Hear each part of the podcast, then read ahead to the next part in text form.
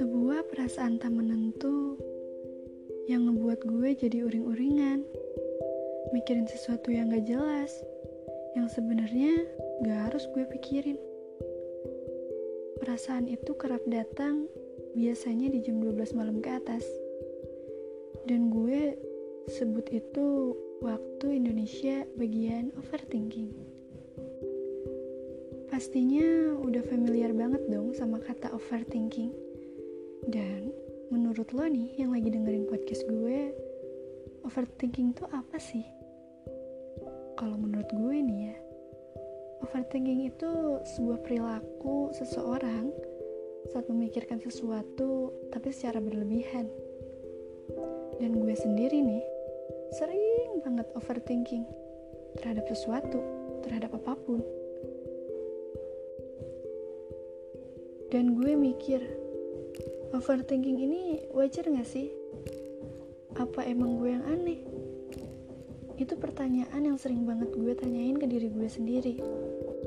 Karena kalau gue sendirian, gak ada siapa pun di sekeliling gue. Tiba-tiba gue mikirin hal-hal yang seharusnya gak gue pikirin. Gue mikirin sesuatu yang belum tentu terjadi di kehidupan gue jadi gue menerka-nerka gitu loh. Kadang gue mikir nih, nih gue aneh kali ya. Apa orang-orang ngerasain apa yang gue rasain juga? Tapi overthinking ini bisa terjadi pada siapa pun dan kapan pun.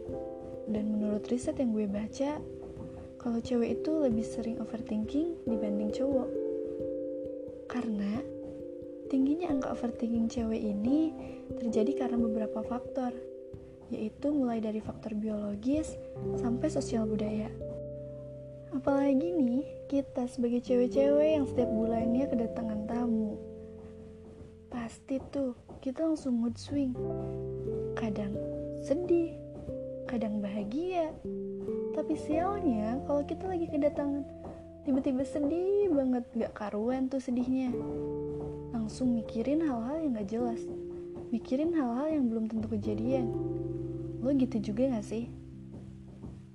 Jadi gue yakin deh pasti cewek-cewek ini pada sering banget overthinking ya kan? Termasuk gue.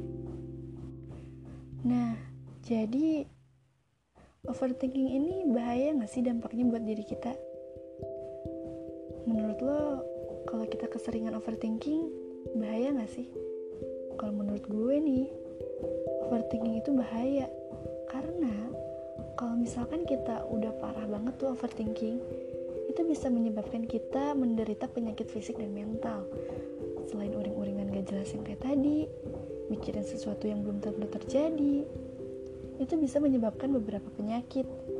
Yaitu contohnya insomnia sakit kepala pegel-pegel dan lain sebagainya karena yang yang gue alamin sendiri kalau misalkan overthinking itu datang gue tiba-tiba susah tidur.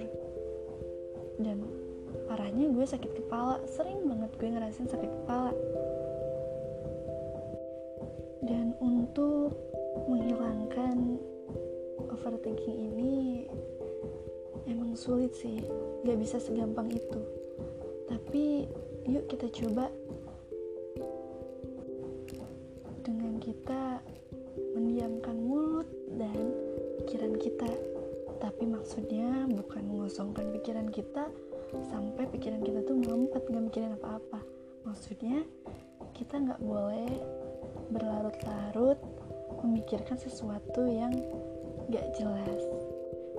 Karena overthinking ini kadang narik kita ke masa lalu maupun ke masa depan yang seharusnya sebaiknya kita fokus dulu ke masa sekarang ke detik ini. Karena overthinking adalah penyebab terbesar dari ketidakbahagiaan. Dan lo adalah korban dari benak lo sendiri. So stop overthinking. Gue yakin kita bisa untuk berhenti overthinking